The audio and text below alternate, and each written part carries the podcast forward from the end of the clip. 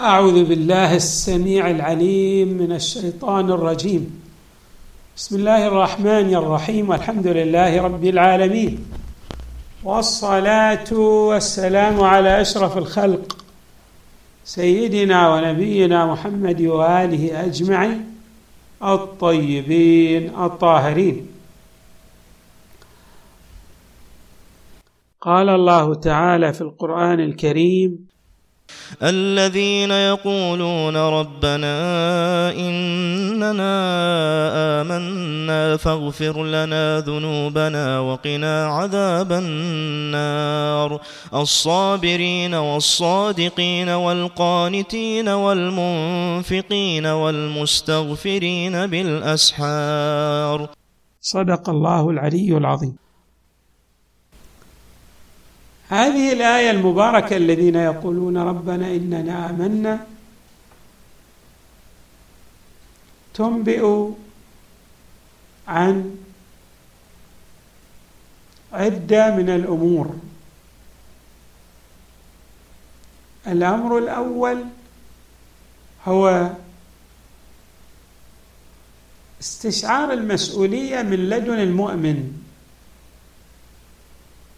والقول كما يطلق على اللفظ الذي يتحدث به الإنسان ليفصح به عن مقاصده. أيضا يطلق على الاعتقاد. ولذلك نقول هذا قول فلان بمعنى الرأي له وبمعنى اعتقاده. ولعل هنا قوله تعالى الذين يقولون. يشعرنا أو يعطينا المعنيين. المعنى الأول أن المؤمن دائما يتحدث مع نفسه ومع المؤمنين عن إيمانه. وحديثه يلازمه استشعار المسؤولية تجاه هذا الإيمان. اذا عندما يقول الحق تعالى الذين يقولون ربنا إننا آمنا يقولون بمعنى يعتقدون أو يحدثون أنفسهم بذلك ليفصحوا عن هذا الحديث لأنفسهم باستشعار المسؤولية تجاه هذا الإيمان لأن هذا الإيمان يفرض عليهم فروضا واجبات. ويدعوهم إلى ترك مناهي ثم هنا أيضا التفاته من لدن هؤلاء الذين يقولون ربنا إننا آمنا. نلحظ أنهم يتوجهون إلى الله من خلال إدراكهم لربوبيته لعطائه لنعمه. ربنا إننا آمنا. أيضا يلتفتون إلى جانب الضعف والقصور لديهم وفي شخصياتهم. ولهذا يرون أن الإيمان الذي يحتم عليهم المسؤولية والاستقامة قد تدعوهم أنفسهم إلى اقتراف ما يتنافى مع قيم الإيمان. من هنا يسألون الله تعالى المغفرة. فاغفر لنا ذنوبنا. وأيضا يلتفتون إلى مسألة غاية في الأهمية. ألا وهي الخوف من عالم الآخرة من العذاب الأليم من المستقبل الذي حري بالمؤمن أن يفكر فيه مليا لأنه سوف يقف أمام الحق تبارك وتعالى ليسأله عن كل صغيرة وكبيرة. عما قام به من أعمال. وحتى الإنسان يتعجب عندما يرى أن أنه عندما يقف بين يدي الله وتقرأ عليه الملائكة ما أحصوه عليه يقول ما لهذا الكتاب لا يغادر صغيرة ولا كبيرة إلا احصاها اذا لخوف المؤمن من المستقبل الأخروي من العقاب الإلهي يدعو الله تعالى أن يقيه تلك الشدائد وأن يعديه تلك الأهوال ليجتاز تلكم العقبات التي تقف في طريقه إلى رضوان الله تعالى. الذين يقولون ربنا إننا آمنا فاغفر لنا ذنوبنا وقنا عذاب النار. وقنا عذاب النار. اذا يرتبط بالجنبه الثانية ألا وهي جنبة التفكير في عالم الآخرة في المصير الأخروي والخوف من العقاب والحساب والعذاب الإلهي.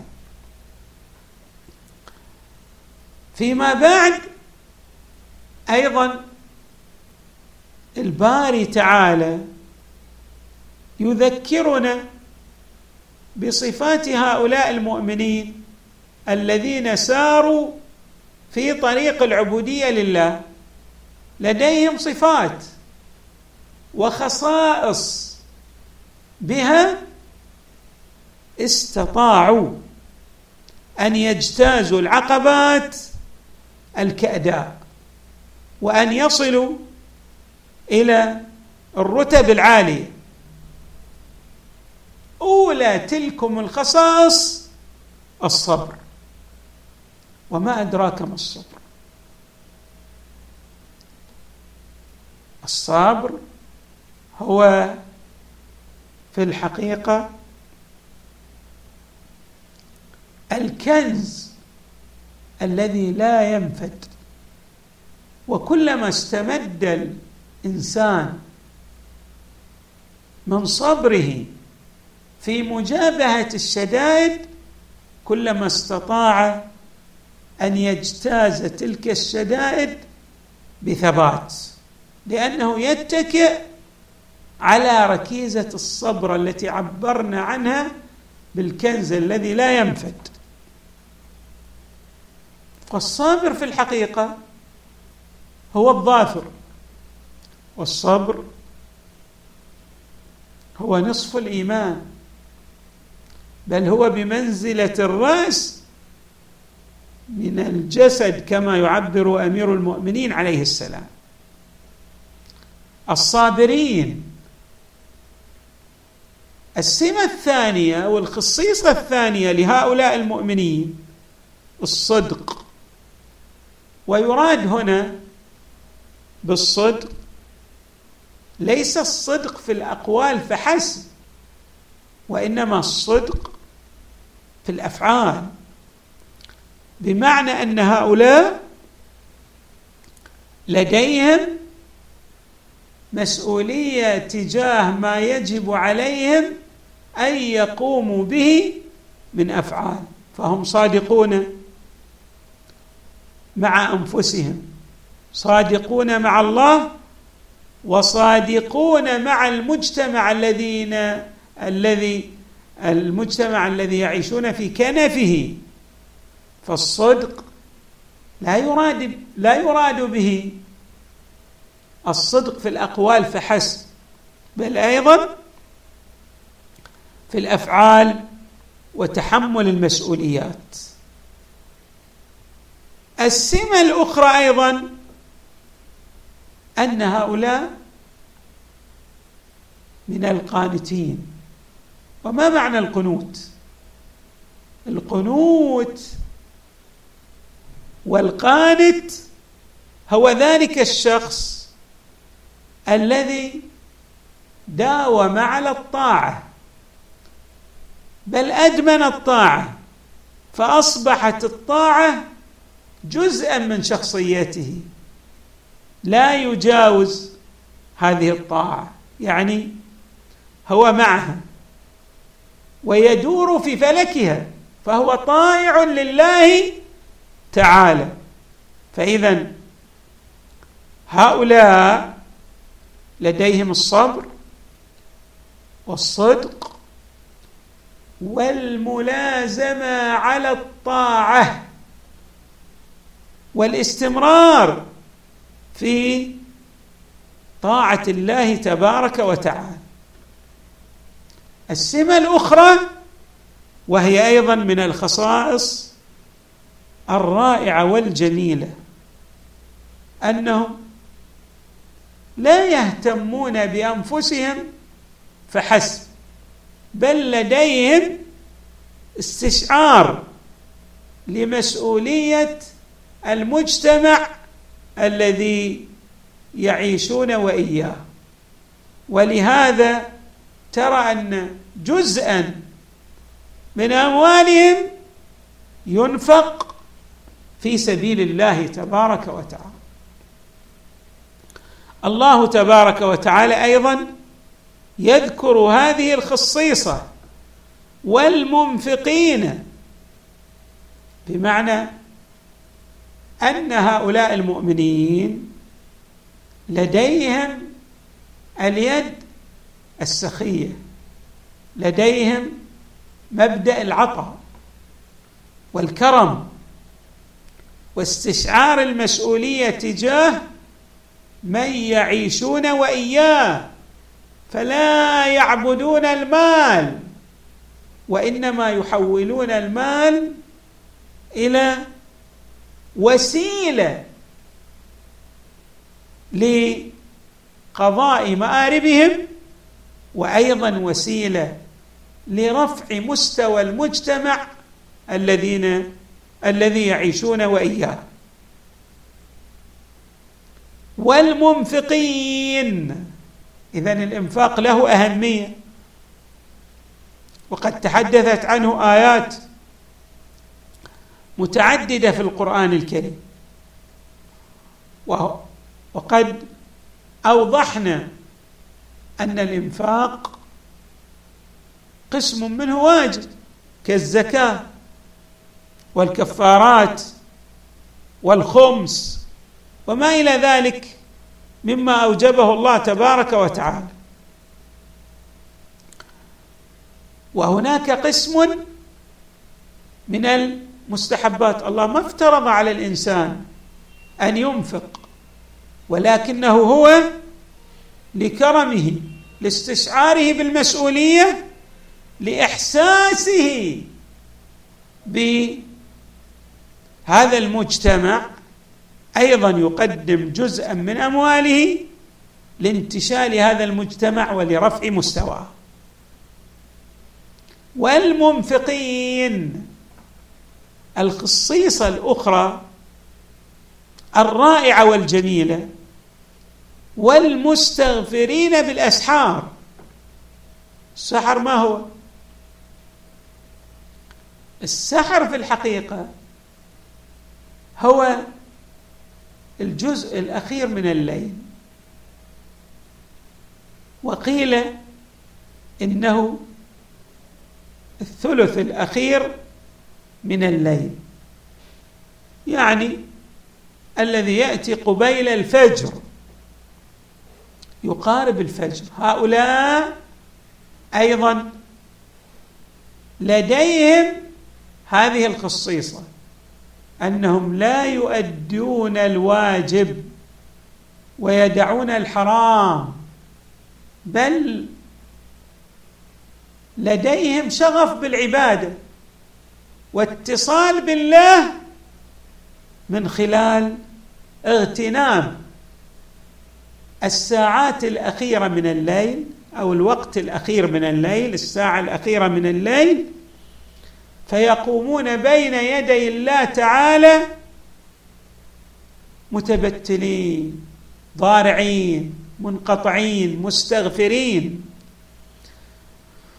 والسحر في اللغة قيل إنه بمعنى الغطاء.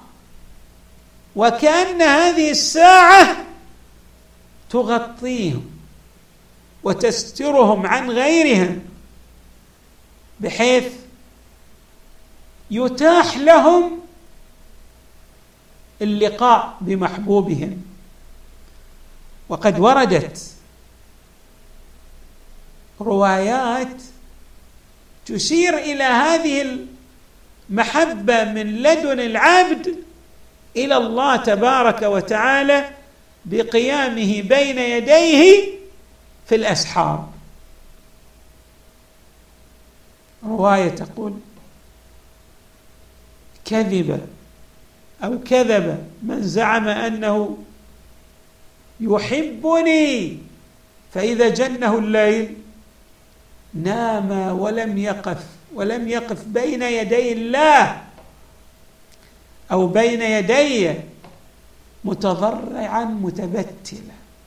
اذا هذه الضراعة إلى الله والابتهال إليه والاستغفار.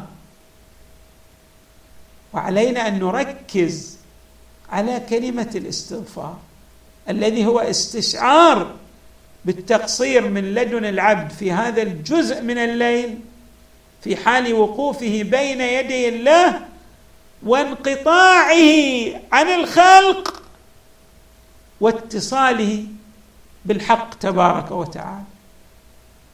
فذلك الانقطاع وذلك الاتصال وتلك الضراعة وذلك الاستغفار كل هذه الأمور تجعل ذلك العبد راسخ القدم في صراط العبودية. لا يزول ولا تزل به قدمه. عن الصراط. اذا هذه الأمور التي يذكرها القرآن كخصائص للمؤمنين من الصبر والصدق والقنوت والإنفاق والقيام بين يدي الله بطلب المغفرة تكرار الاستغفار كلها أمور تشكل دعائم وركائز وخصائص تسهم في شخصية المؤمن لتوطيد علاقته بربه من ناحية وكذلك بمقتضيات إيمانه من ناحية أخرى.